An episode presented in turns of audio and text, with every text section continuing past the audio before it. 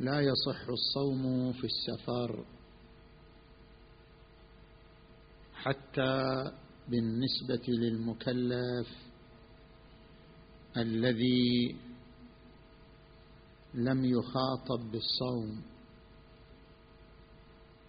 فلو فرضنا أن الإنسان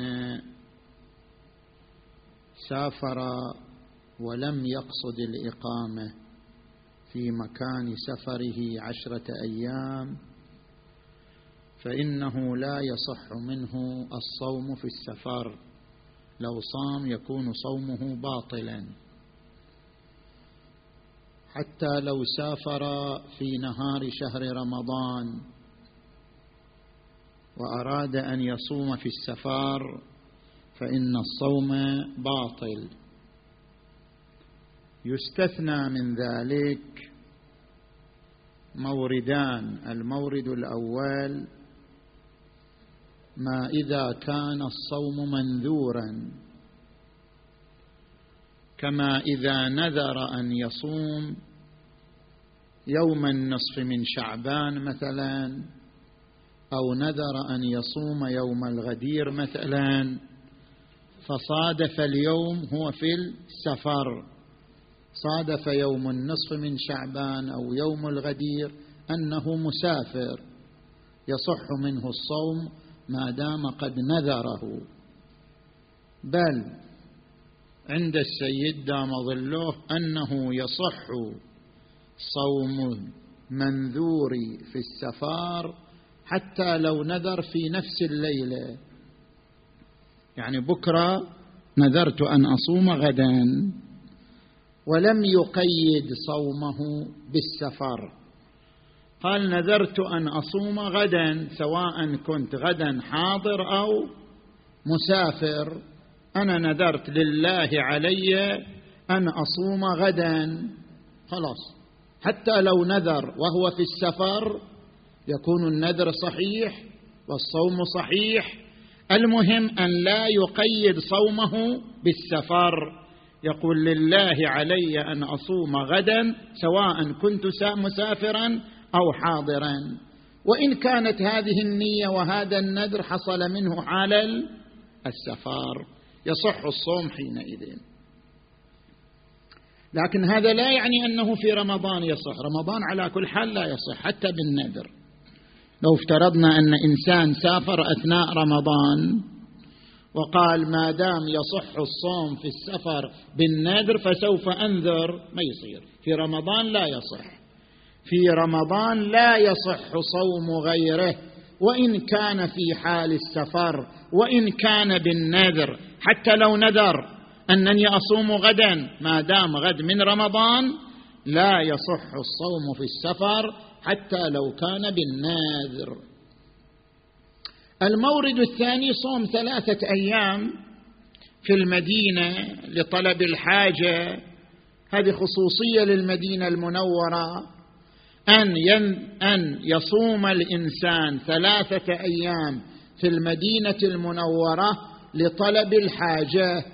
طبعا بعض الفقهاء يخصها بأيام البيض من أيام رجب بعض الفقهاء لا عند مطلقا.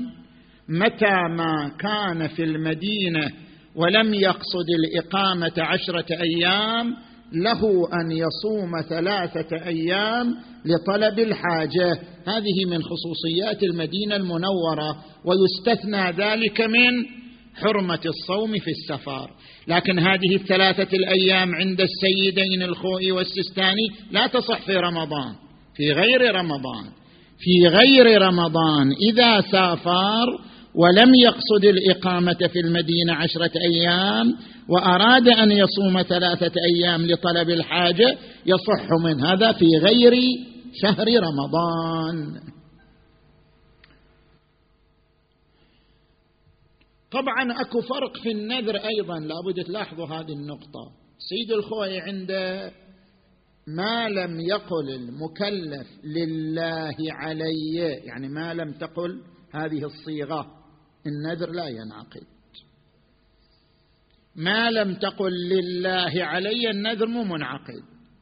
لو قال لله علي نذر كثير من الناس هكذا يقول لله علي نذر. سيد الخوي عند هذه الصيغة لم تنعقد. النذر باطل. إذا قال لله علي نذر لابد أن يقول لله علي أن أفعل كذا. إن حصل كذا بدون كلمة نذر. سيد السيستاني عند لا إذا قال لله علي نذر صحيح. قال لله علي نذر الأحوط وجوبا أداء النذر. أعوذ بالله من الشيطان الغوي الرجيم. بسم الله الرحمن الرحيم. ضرب الله مثلا للذين آمنوا امرأة فرعون. إذ قالت رب ابن لي عندك بيتا في الجنة ونجني من فرعون وعمله ونجني من القوم الظالمين. ومريم ابنة عمران التي أحصنت فرجها فنفخنا فيه من روحنا وصدقت بكلمات ربها وكتبه وكانت من القانتين. آمنا بالله صدق الله العلي العظيم. انطلاقا من الآية المباركة نتحدث في محاور ثلاثة. في النظرية الجندرية وفي معالجة الفقه الذكوري في الإسلام وفي الموقع الحركي للسيدة أم المؤمنين خديجة بنت خويلد رضي الله تعالى عنها. نأتي إلى المحور الأول. هناك نظرية عبر عنها بالنظرية الجندرية التي تؤكد على المساواة بين الذكر والأنثى في الحقوق. عام أربعة وتسعين في مؤتمر القاهرة في مؤتمر التنمية عام خمسة وتسعين في بكين في مؤتمر حقوق المرأة. عام تسعة وتسعين في هولندا أيضا في مؤتمر التنمية. ركزت هذه المؤتمرات على هذه النظرية على هذه المقالة. هذه النظرية تتلخص في ثلاثة أمور. الأمر الأول إن هناك فروقا طبيعية بين الرجل والمرأة وهناك فروق تاريخية وليست فروق طبيعية.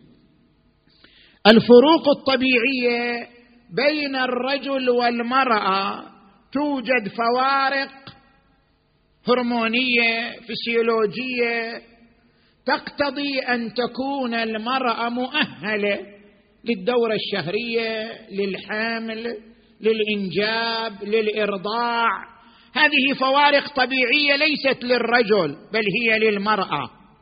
لكن الفوارق الأخرى كون المرأة أم كون المرأة زوجة كون المرأة أخت.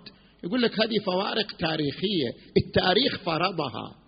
ليس بالضرورة أن تكون المرأة أم أو زوجة أو بنت أو أخت. كل هذه المفاهيم مفاهيم فرضها التاريخ الذكوري الذي مر على البشرية. نعم هناك فوارق طبيعية لكن لا بالضرورة أن تكون المرأة أم أو تكون زوجة أو تكون أخت أو تكون بنت. كل هذه الفوارق فوارق تاريخية. فرضها التاريخ الذكوري على المرأة. زين؟ هذا الأمر الأول في النظرية. الأمر الثاني المرأة لها الاختيار أن تبقى أنثى أو تحول نفسها إلى رجل. كيف؟ تريد تبقى أنثى تريد تحول نفسها إلى رجل تريد تحول نفسها إلى جنس آخر الأمر بيدها. لا يمنعها القانون أن تتصرف في جنسها. بل في بعض المجتمعات الغربية كما تعلمون الإنسان كما يسمي نفسه. سمي نفسك أنت رجل سمي نفسك باسم امرأة تعطى بطاقة باسمك على أنك امرأة لأنك سميت نفسك باسم امرأة. حتى لو لم تقم بعملية تغييرية لجسمك. ما دام سميت نفسك باسم امرأة خلاص بطاقتك الوطنية تكون باسم امرأة وانت تعتبر امرأة. زين؟ وبالعكس بالنسبة إلى إيه مثلا المرأة إذا سجلت نفسها باسم الرجل كذلك الموضوع هي تعتبر رجل. القانون يعتبرها رجل لأنها سجلت اسمها باسم رجل. لها الحرية في ذلك. الأمر الثالث أن هذه التشكيلة الأسرية اللي إحنا نعرفها أب ذكر أم أنثى أولاد متنوعين. هذه التشكيلة الأسرية يقول لك هذا تشكيلة تقليدية. ليس بالضرورة أن تكون الأسرة مشكلة من زوج وزوجة. يمكن أن تكون الأسرة مشكلة من رجلين. رجل زوج ورجل زوجة. أو تكون الأسرة مشكلة من امرأتين. امرأة زوج وامرأة زوجة. ليس بالضرورة أن تتشكل الأسرة من ذكر زوج وأنثى زوجة وذرية متنوعة. لا. قد يكون الزوجان رجلين قد يكون امرأتين. قد يكونان متنوعين اذا هذه معالم للنظرية الجندرية وجاي العالم كله الآن يستجيب لهذه النظرية. يعني الآن الثقافة التي تبث من خلال الإعلام ومن خلال وسائل التواصل ما هي؟ الثقافة تقول لا ضرورة لوجود أسرة. خلاص. تدري أنت الآن على المستوى المجتمع البريطاني الآن بريطانيين الأصليين على مستوى المجتمع البريطاني الإحصاءات 25% ممن يكون أسرة بقية المواطنين ما يكونوا أسرة أصلا. يعيش إلى أن يموت تعيش لا أن تموت ما تكون أسرة أصلا. 25% فقط من المجتمع البريطاني من يكون أسرة بقية ما يحتاج يكون أسرة. متى ما أراد أن يفرغ شهوته الجنسية أفرغها بأي وسيلة. متى ما أراد أن يتبنى ولد أو بنت راح إلى دور التبني وأخذ بنت أو ولد وتبناه. ماكو ضرورة لتشكيل أسرة اطلاقا. هذه الثقافة سوف تمتد إلى الشرق الأوسط أيضا التي تدعو إلى هدم الشكل التقليدي للأسرة. بعد ماكو أسرة ماكو حاجة للأسرة. أو يمكن أن تكون أسرة من رجلين أو أسرة من امرأتين وليس بالضرورة من ذكر وأنثى. زين؟ طبعا إحنا عندما نجي إلى القاعدة الإسلامية أو المبدأ الإسلامي المبدأ الإسلامي يقول لا الفوارق الطبيعية تفرض بالضرورة فوارق اجتماعية. انت تعترف اكو فوارق طبيعية بين الذكر والأنثى؟ هناك فوارق فسيولوجية فوارق هرمونية. هذه الفوارق الطبيعية هي تفرض فوارق اجتماعية. هي تفرض اختلاف في الأدوار. الفوارق الطبيعية تقتضي فوارق اجتماعية وأدوار متنوعة. كيف؟ يعني الآن مثلا من تجي إلى تركيبه النفسيه للذكر تركيبه النفسيه للأنثى. أنت اقرأ نصوص المدرسة الاستبطانية في علم النفس. اقرأ ما يذكره أليكسيس كاريل في كتابه الإنسان ذلك المجهول. وويل ديورانت في كتابه قصة الحضارة. دراسات متعددة على أن الأسرة لا تتشكل بالشكل الطبيعي إلا من ذكر وأنثى. ما يصير أسرة بشكل طبيعي بدون ذلك. لماذا؟ لأن الرجل بطبعه الرجل بجبلته يفتقر إلى عطف الأنثى يفتقر إلى حب الأنثى. لا يغذيه عطفا وحنانا إلا الأنثى. والأنثى بالعكس الأنثى بجبلتها بطبعها تفتقر إلى دفء الرجل وحماية الرجل. الأنثى تميل إلى حماية الرجل ودفئه والرجل يميل إلى حب الأنثى وحنانها. كل بطبيعته وفطرته يميل نحو الآخر ولا يغذي نهمه إلا الآخر. لذلك القرآن الكريم يقول هن لباس لكم. تعبير دقيق من القرآن. هذا مو تعبير قانوني ولا تعبير تشريعي. تعبير يحكي الفوارق الفسيولوجية بين الرجل والمرأة ويحكي الكيان النفسي لكل منهما. هن لباس لكم وأنتم لباس لهن.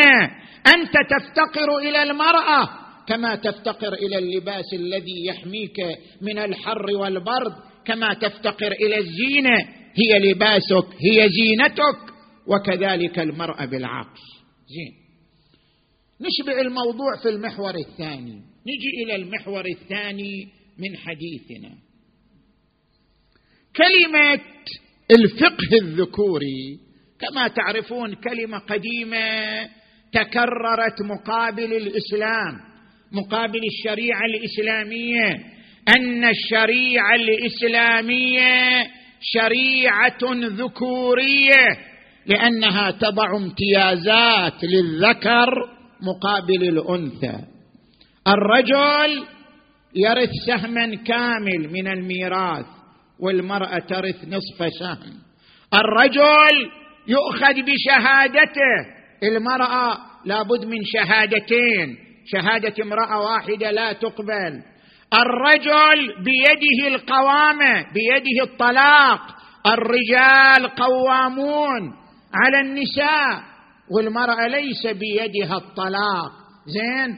دية الرجل أعلى من دية المرأة. زين؟ اذا بالنتيجة هذا الفقه فقه الذكوري. هذا التشريع تشريع ذكوري يجعل الامتيازات للرجل على المرأة.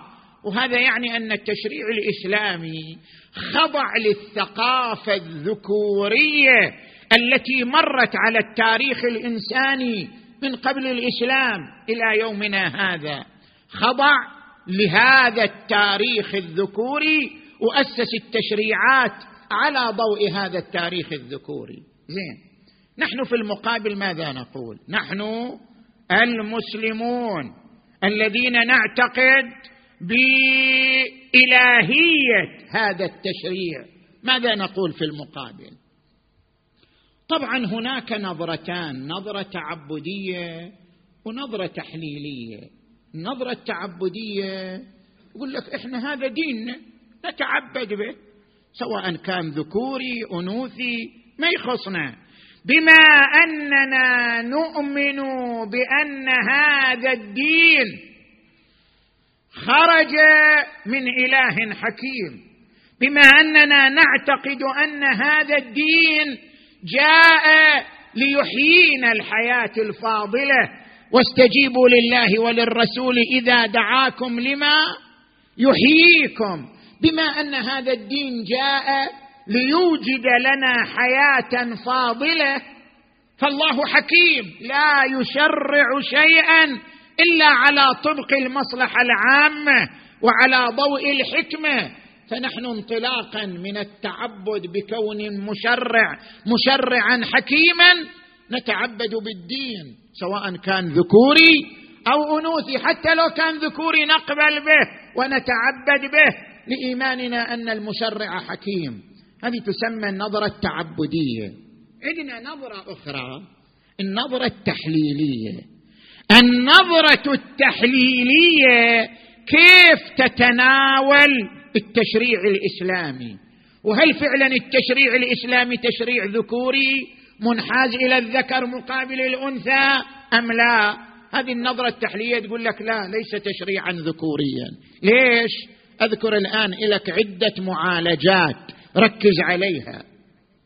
المعالجة الأولى لا ملازمة بين الامتيازات القانونية والامتيازات الذاتية.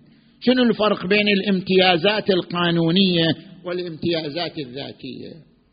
يعني الآن مثلا كما أن الامتيازات الطبيعية لا تعني امتيازات ذاتية. افترض إنسان ولد ودرجة ذكائه أعلى من إخوانه. هل هذا يعني أفضل عند الله منهم؟ ابدا. صحيح هو عنده امتياز طبيعي. درجة ذكاء عنده أعلى من البقية. لكن لا يعني أنه في الإنسانية أفضل من غيره من حيث الإنسانية هو وغيره على حد سواء. وإن كان عنده امتياز طبيعي. مثلا إنسان ولد في أسرة غنية ثرية بعد لا يشعر بالفقر. هل هذا يعني أفضل من الناحية الوطنية والإنسانية من الإنسان الفقير؟ لا هما من حيث الإنسانية سواء. وإن حصل هذا على امتياز طبيعي لم يحصل عليه ذاك. والله إنسان يولد في بيئة أوروبية صحية نقية وإنسان مسكين يولد في بيئة أفغانية ملوثة بآثار الحروب. زين؟ هل هذا يعني أن هذا أفضل من هذا؟ لا. وإن حصل هذا على امتياز طبيعي لم يحصل عليه هذا لكن لا فرق بينهما على المستوى الإنساني. الامتيازات الطبيعية لا تعني الامتياز الإنساني. يبقى هم في الإنسانية سواء. كذلك الامتيازات القانونية لا تعني الامتياز على مستوى المواطنة. الآن شنو الفرق بين الوزير وبينك أنت؟ الوزير عنده امتيازات قانونية عنده جواز دبلوماسي عنده حرس عنده سيارات خاصة أنت ما عندك. الوزير عنده امتيازات قانونية لكن هل الوزير أفضل منك من ناحية المواطنة؟ لا. أنت وهو من حيث المواطنة على حد سواء. مو انت درجة ثانية وهو درجة أولى لا. أنتما في المواطنة وفي حكم القانون وفي حكم القضاء على حد سواء. وإن كان له بعض الامتيازات القانونية. الامتيازات القانونية لا تعني المفاضلة في الوطنية ولا تعني التفاضل من الناحية الإنسانية. نفس هذه النظرة نجيها في الفرق بين الذكر والأنثى. خل أوضح لك الآن. الإسلام فيه مفاضلات مو بس على مستوى الذكر والأنثى. قال الآن أشرح لك. يجب على الولد الأكبر أن يقضي ما فات أباه لكن ما يجب أن يقضي ما فات أمه. ليش؟ يجب على الولد الأكبر أن يقضي ما فات أباه. إذا أبوه زين فاته صوم أو صلاة لعذر طبعا مو لعصيان. إذا فات الأب صوم أو صلاة لعذر الولد الأكبر يقضي ما فات أباه. حكم شرعي هذا. يجب على الولد الأكبر قضاء ما فات أباه.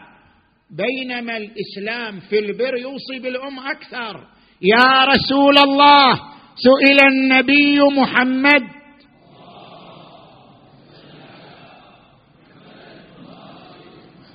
يا رسول الله من أبر؟ قال أمك. قال ثم من؟ قال أمك. قال ثم من؟ قال أمك. قال ثم من؟ قال أباك. مع أنه يوصي ببر الأم أكثر لكن أكو قانون يجب على الولد الأكبر قضاء ما فات أباه. لا يجب عليه قضاء ما فات أمة. زين. هو يريد يقضي عنها بكيفه بس مو واجب. تجي إلى حكم آخر. الولد الأكبر له الحبوة دون إخوته. الحبوة الأشياء الثمينة اللي تختص بالأب. خاتمه ساعته سيفه درعه. هالأشياء الثمينة الخاصة بالأب تنتقل للولد الأكبر. دون بقية الورثة. الورثة يشتركوا في الميراث. أما هذه الخصائص الثمينة تختص بالولد الأكبر. هل هذا يعني أن الولد الأكبر أفضل من بقية الورثة؟ لا. لا فرق بينهما. وإن كان هناك امتياز قانوني. قال أذكر لك حكم ثالث. الآن شو رأيك في الشهيد؟ أنت وغير الشهيد. إذا قتل الإنسان في المعركة زين وهو يدافع عن حريم الإسلام أو يدافع عن حريم أرضه زين قتل في المعركة قتل بين الصفين شهيدا. شنو حكمه؟ لا يغسل كفن بثيابه يصلى عليه ويدفن. طبعا هذا امتياز. هذا امتياز للمقتول في سبيل الله. لكن هل هذا يعني أن المقتول في سبيل الله أفضل من غيره؟ لو فرضنا أن إنسان تقي نقي لكن مات مريضا وانسان عاصي لكن مات شهيدا هل يعني أن الشهيد أفضل من ذاك؟ لا لا ذاك أفضل.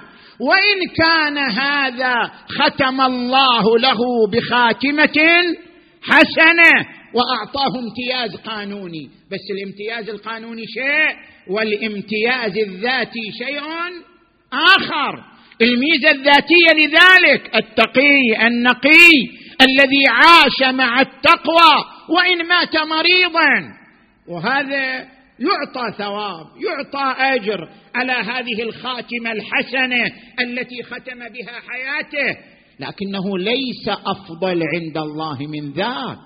الميزه القانونية لا تعني الميزه الذاتية. هذه خليها في ذهنك.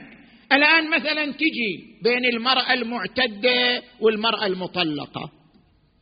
عدة المرأة من الطلاق ثلاث حيضات والمطلقات يتربصن بأنفسهن ثلاثة قروء.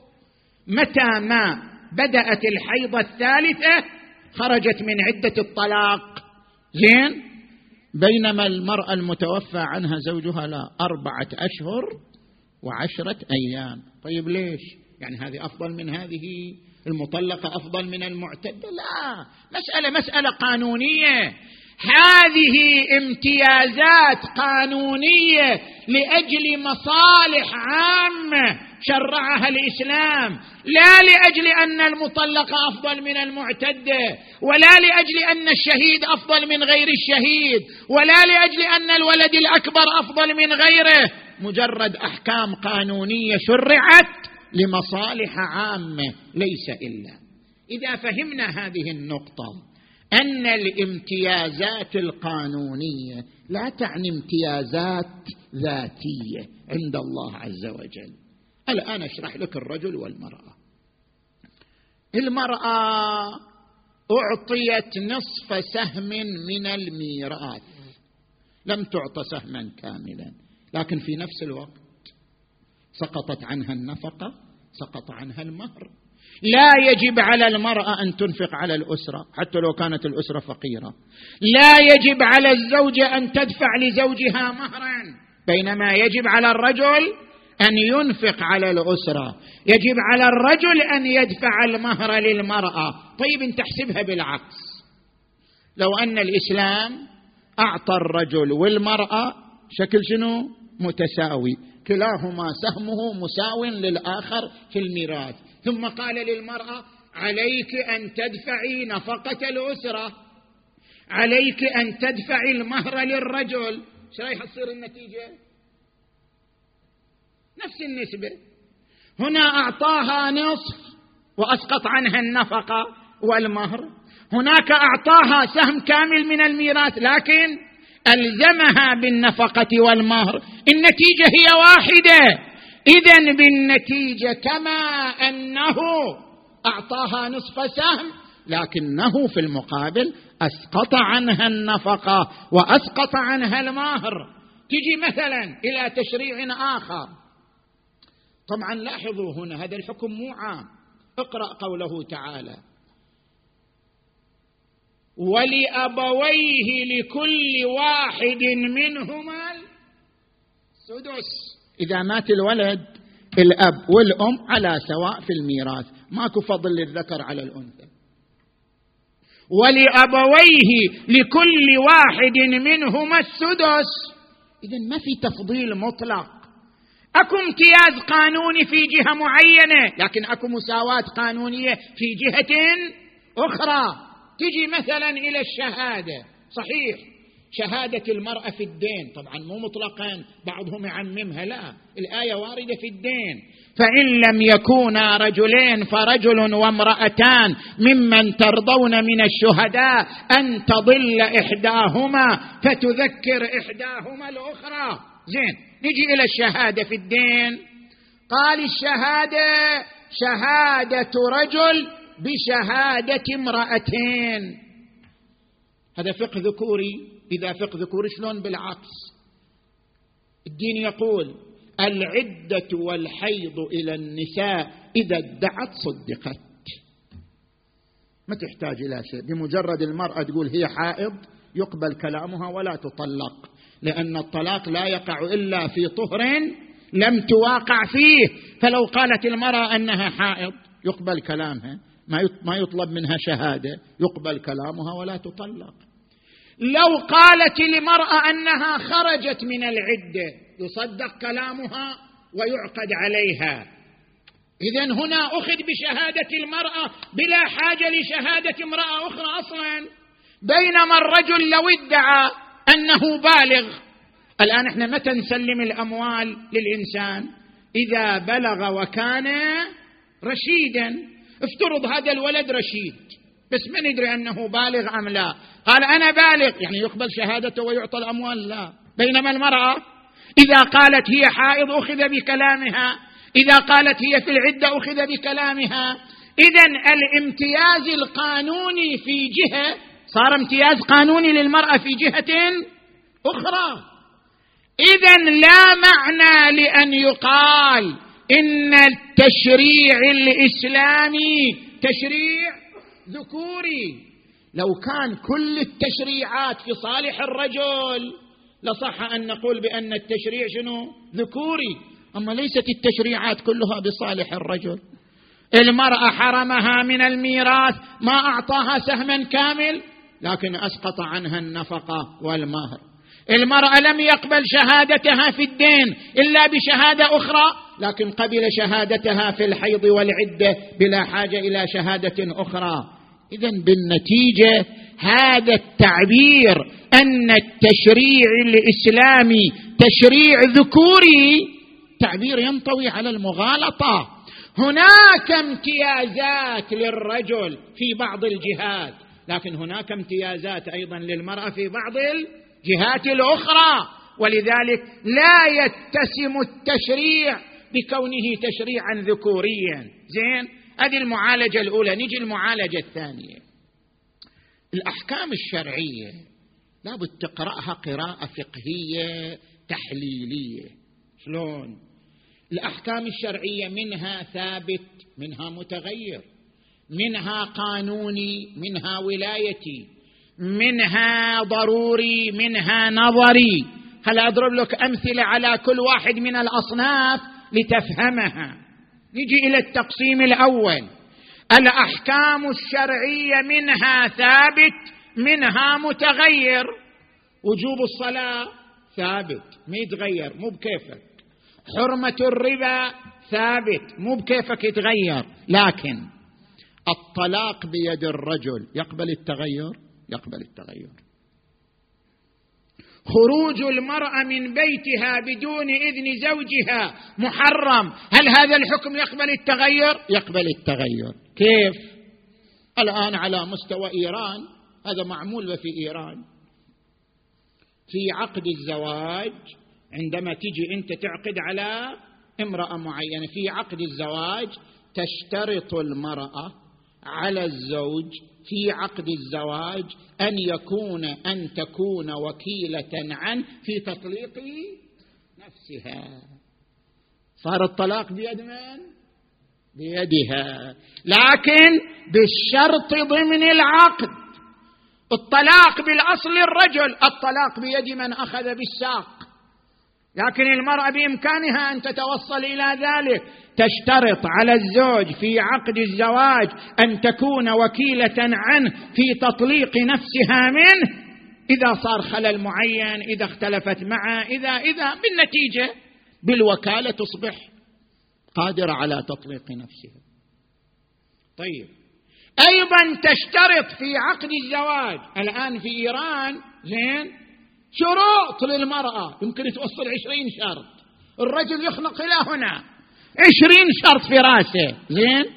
من الشروط أن تشترط عليه في ضمن عقد الزواج أن لا يمنعها من مواصلة الدراسة ولا يمنعها من العمل ولا يمنعها من خروج من البيت ومتى ما أرادت الخروج. بكيفها زين؟ اذا المراه يمكن أن تتوصل إلى هذه الأحكام عبر طرق أخرى. فهذا الحكم قابل للتغير بعناوين أخرى. زين. نجي إلى التقسيم الثاني. عندنا حكم قانوني حكم ولايتي. بعض الأحكام ما يقدر الفقيه يعطلها ولا يغيرها. أحكام قانونية. فقيه ما يقدر يتحكم في أوقات الصلاة. والله يقول بلي وقت صلاة الظهر اليوم نخليه بعد الغروب الشمس. ووقت صلاة الفجر اليوم نخليه الضحى مثلا. لا هذه أحكام قانونية. لا تقبل التغير بالولاية. لكن هناك أحكام قابلة لأن يضيف إليها الفقيه بولايته ما يغير هيئتها. شلون؟ يعني مثلا الآن الفقيه له ولاية على تعطيل الحدود. إحنا مو عندنا حدود؟ حد الزنا حد القذف حد شرب الخمر. يقدر الفقيه يمارس تطبيق الحدود ويقدر شنو؟ يمنع من تطبيق الحدود. له الولاية على التطبيق. زين. تيجي مثلا الفقيه دية الكتاب حسب الفقه الشيعي دية الكتاب يعني إذا أنت تقتل إنسان مسيحي أو يهودي مثلا خطأ. إلى الدية؟ ديته عشر دية المسلم. بس الآن على مستوى إيران لا. دية الكتاب مثل دية المسلم متساوية. بفرض من؟ بفرض من الولي. أجي مثلا إلى دية المرأة نفس الشيء. دية المرأة تعادل دية الرجل إذا قتلت خطأ إذا فرضه الفقيه بمقتضى ولايته الناشئة عن رعاية المصالح العامة للمجتمع الإسلامي. اذا هذا الحكم قابل لتدخل الولاية. نجي إلى تصنيف ثالث. عندنا حكم ضروري عندنا حكم نظري. حكم الضروري بعد هذا متفق عليه. يوصيكم الله في أولادكم للذكر مثل حظ الأنثيين. هذا حكم جاء في القرآن ما نقدر نغيره بس أكو أحكام نظرية. مثلا أغلب الفقهاء يقولون المرأة ليس لها منصب الإفتاء ولا منصب القضاء. المرأة ما تصير قاضية ولا تصير مرجع إفتاء. يعني هي لو صارت امرأة فقيهة مجتهدة طبعا رأيها حجة عليها. طبعا الآن في إيران يوجد فقيهات. خلي بنظرك هذا موجود. الآن على مستوى الحوزة العلمية في إيران الحوزة العلمية في قم المقدسة زين روقبت الدراسات. سنويا جامعة المصطفى في قم المقدسة سووا استقراء للدراسات العلمية التي يقدمها طلاب الحوزة. الآن على مدى سنتين مع غض النظر عن هذه السنة يعني السنة السابقة والسنة التي قبلها الدراسات أثبتت تفوق المرأة على الرجل. تفوق المرأة على الرجل في الدراسات الحوزوية. طيب أنت إيش رأيك الحين؟ اذا المرأة ممكن أن تصبح فقيهه عالمة متخصصة في العلوم الحوزوية. ممكن أن تصبح كذلك. لكن المشهور أن رأيها حجة عليها وليس على غيرها. بس هذا الحكم مو ضروري قابل للتغير. الآن من مراجعنا الكبار المعترف بمرجعيتهم آية الله العظمى الشيخ إسحاق الفياض من مراجع النجف رأيه أن المرأة لها القضاء ولها الفتية كالرجل. إذا هذا حكم قابل للتغير قابل للنظر. ليس من الأحكام الضرورية. المرأة يمكن أن يكون لها موقع القضاء يمكن أن يكون لها موقع الإفتاء. زين؟ يمكن تصير مرجعك امرأة. زين؟ وتقولوا قلد آية الله العظمى. فلانة بنت فلان شنو المشكلة؟ إذا بالنتيجة أن هذه الأحكام قابلة للنظر قابلة للبحث قابلة للتغير ليست أحكام ضرورية. زين. هذه المعالجة الثانية. كان بنظري أن أدخل في معالجة ثالثة بس الوقت لم يسمح لي. إن شاء الله في الحوار نتعرض إلى ذلك يعني لإشباع الموضوع أكثر. عن طريق جلسة الحوار ليلة الأحد يوم السبت ليلة الأحد إن شاء الله تعالى. نأتي إلى المحور الثالث من حديثنا. كيف نفهم الدين؟ كيف نفهم الإسلام؟ هناك نوعان من الفهم فهم تبعيضي وفهم شمولي. نحن نؤكد أن ليس الرجل أفضل من المرأة. لا من الناحية الإنسانية ولا من الناحية الدينية. القران الكريم يكرر فاستجاب لهم ربهم أني لا أضيع عمل عامل منكم من ذكر أو أنثى. ويقول القرآن الكريم ولقد كرمنا بني آدم ويقول القرآن الكريم يا أيها الناس إنا خلقناكم من ذكر وأنثى وجعلناكم شعوبا وقبائل لتعارفوا إن أكرمكم عند الله أتقاكم. من هو الأتقى؟ هل الأتقى من يفهم الإسلام؟ فهما تبعيضيا؟ أم الأتقى من يفهم الإسلام فهما شموليا ويطبقه تطبيقا شموليا؟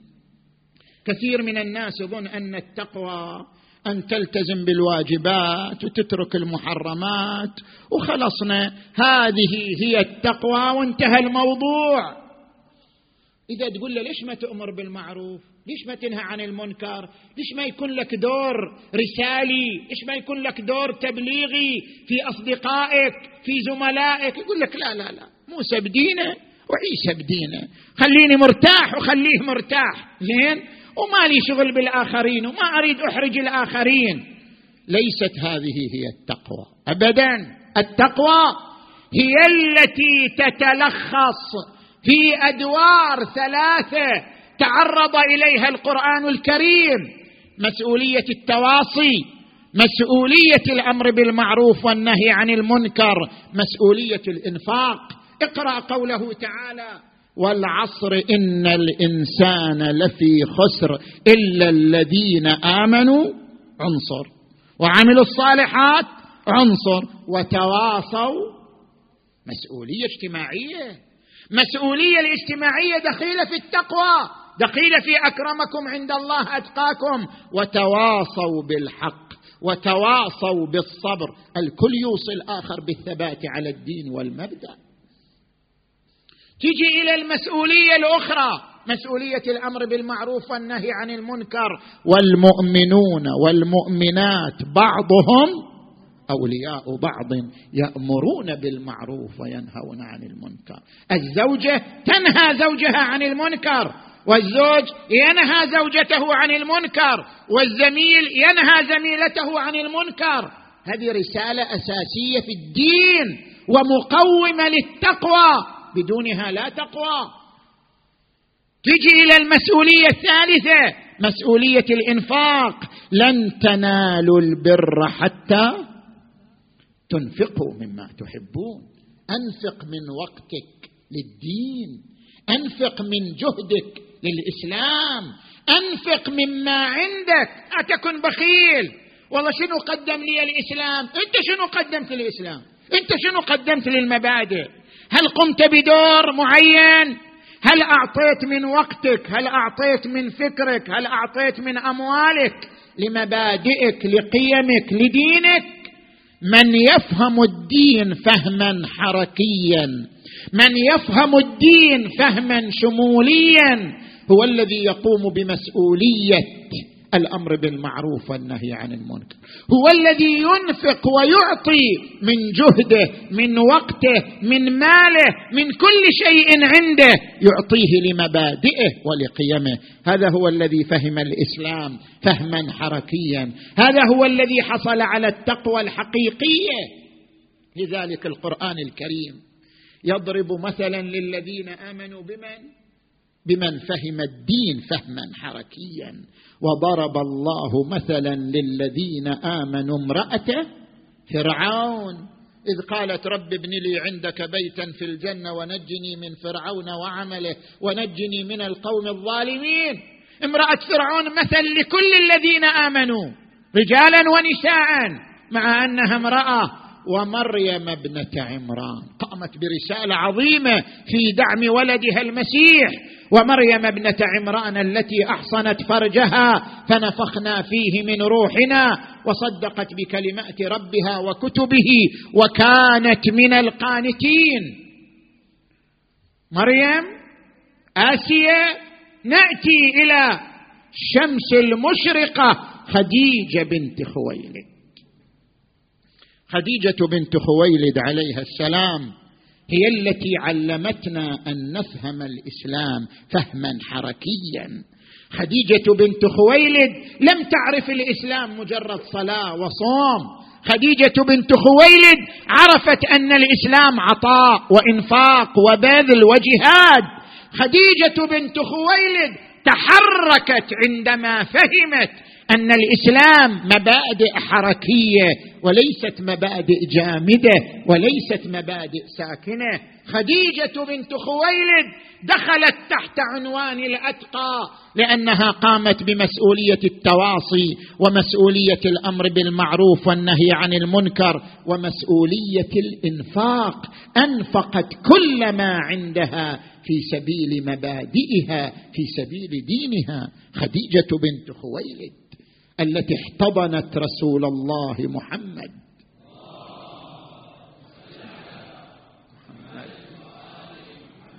خديجة بنت خويلد كان مالها دعامة أساسية لمسيرة الإسلام. الرسول بأموال خديجة أعتق كثير من العبيد ودخلوا في الإسلام. الرسول بأموال خديجة حمى كثير من الناس الذين دخلوا في الإسلام. الرسول بأموال خديجة ساعد أهل المدينة أهل الطائف ساعد أهل اليمن. خديجة دعمت الدين منذ أول يوم وأول صلاة صلاها رسول الله صلى الله عليه وآله. كانت صلاة الظهر ائتم به علي بن أبي طالب وخديجة بنت خويلد.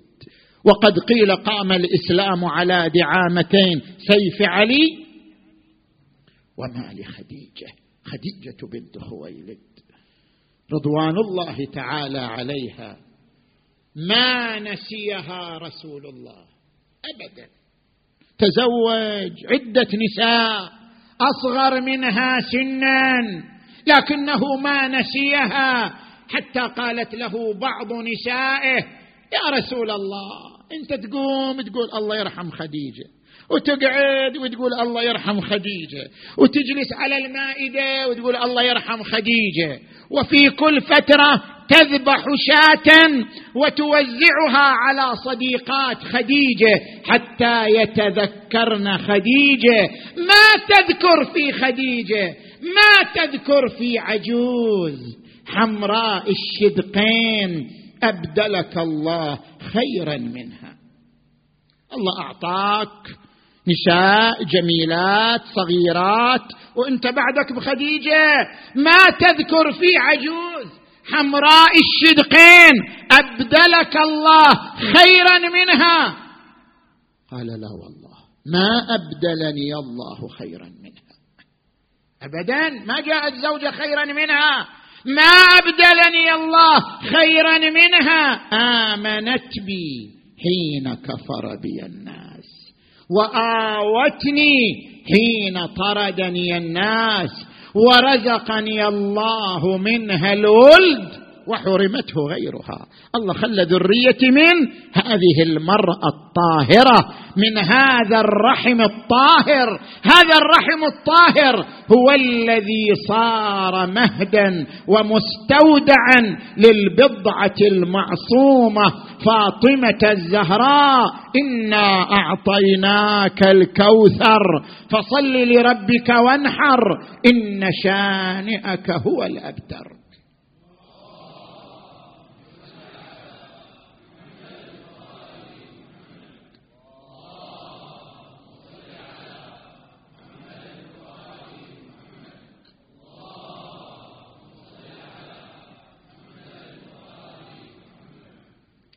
وعندما مرضت مرض الوفاة تستحي أن تكلم رسول الله رغم أنه زوجها قريب منها لكنها كانت تخجل منه. استدعت ابنتها الحبيبه فاطمة الزهراء وكانت طفله صغيره دون السبع سنوات. زين؟ قالت لها بني فاطمة إني أخجل من أبيك رسول الله. أريد أن إذا مت أن يكفنني بالقميص الذي يصلي فيه. كي يكون حصانة لي ودرعا اي أقبلت فاطمة إلى أبيها وهي مختنقة العبره أبا يا رسول الله إن أمي تطلب منك طلبا صغيرا. قال لها بني ما هو؟ قالت تقول إذا أنا مت فكفني بقميصك الذي تصلي فيه. كي يكون حصانة لي قال بشريها أكفنها بقميصي وأكفنها بكفن من الجنة. لقد نزل جبرائيل عليه وقال بشر خديجة أن لها بيتا في الجنة من قصب لا صخب فيه ولا نصب. بشريها دخلت الطفلة الصغيرة على أمها. تصور الأم تغادر الدنيا ها؟ والطفلة اليتيمة واقفة بين يديها. دخلت الطفلة الصغيرة على أمها مدت يديها خديجة احتضنتها إلى صدرها. التفتت إلى أم أيمن أم أيمن قالت ماذا؟ قالت إن في قلبي حسرة. إن في قلبي حسرة أنا مخنوقة. ليش سيدتي؟ أنت سيدة النساء. أنت أم المؤمنين. مصيرك إلى الجنة. لماذا الحسرة في قلبك؟ قالت يا أم أيمن إن البنت في ليلة زفافها. إذا زفت إلى زوجها تلتفت يمينا فترى أمها فتحتضن أمها إلى صدرها. تعتبر وداع انتقال من بيت إلى بيت وأنا ابنتي فاطمة.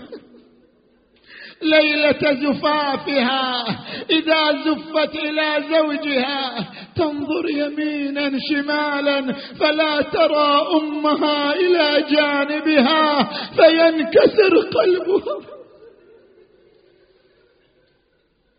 أنا متحسرة على تلك الليلة متحسرة على تلك الدقيقة. قالت لها أم أيمن لا عليك لا عليك. أنا أقوم بالواجب. شلون تقومي بالواجب؟ أنا ليلة زفافها أحضنها نيابة عنك. إيه وتدري عاد لما زفت الزهراء لأمير المؤمنين. أرادت أن تخرج من بيت أبيها إلى بيت زوجها. التفتت يمينا اين أمي. وين الحنون خديجة؟ وينها؟ وين العطوف خديجة؟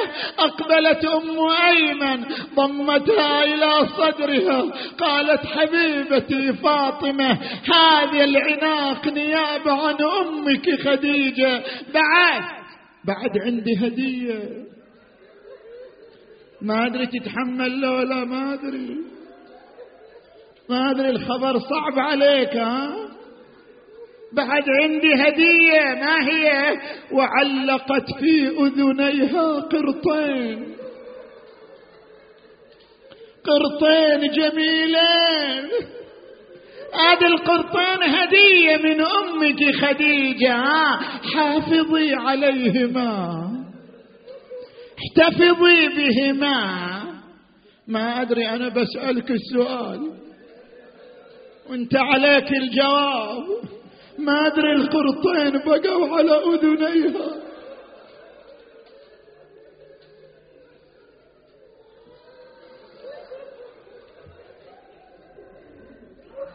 وفاطمة ما أدري القرطين بقوا على أذنيها أم تبعثرا على خديها.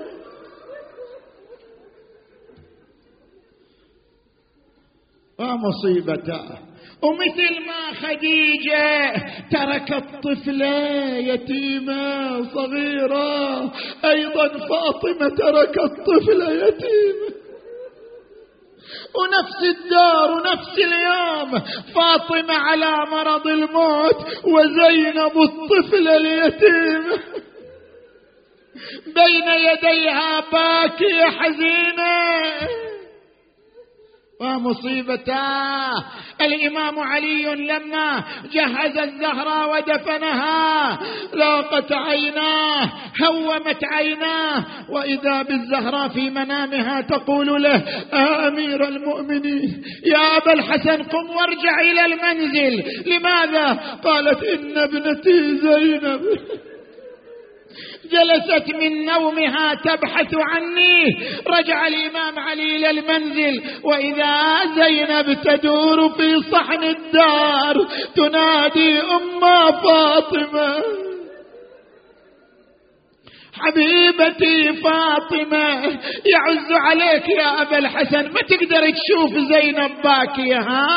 ما تقدر تشوف زينب وحيدة ها؟ ليتك تراها ليلة الحادي عشر من المحرم تدور من خيمة إلى خيمة. وتنادي الضائعات بعدك ضعنا في يد النائبات حسرى بوادي. يا الله اللهم بحق خديجة بنت خويلد. اللهم بحق فاطمة وأبيها وبعلها وبنيها. اللهم بحق الأئمة الطاهرين. اللهم اغفر ذنوبنا واستر عيوبنا وكفر عنا سيئاتنا وتوفنا مع الأبرار. اللهم صل على محمد وآل محمد واجعلنا في هذا الشهر الشريف من عتقائك من جهنم وطلقائك من النار وسعداء خلقك بمغفرتك ورضوانك يا أرحم الراحمين. اللهم صل على محمد وآل محمد. اللهم كن لوليك الحجة بن الحسن. صلواتك عليه وعلى آبائه. في هذه الساعة وفي كل ساعة. وليا وحافظا وقائدا وناصرا. ودليلا وعينا. حتى تسكنه أرضك طوعا وتمتعه فيها طويلا. برحمتك يا أرحم الراحمين. وإلى أرواح أموات المؤسسين والمؤمنين والمؤمنات الفاتحة تسبقها الصلوات.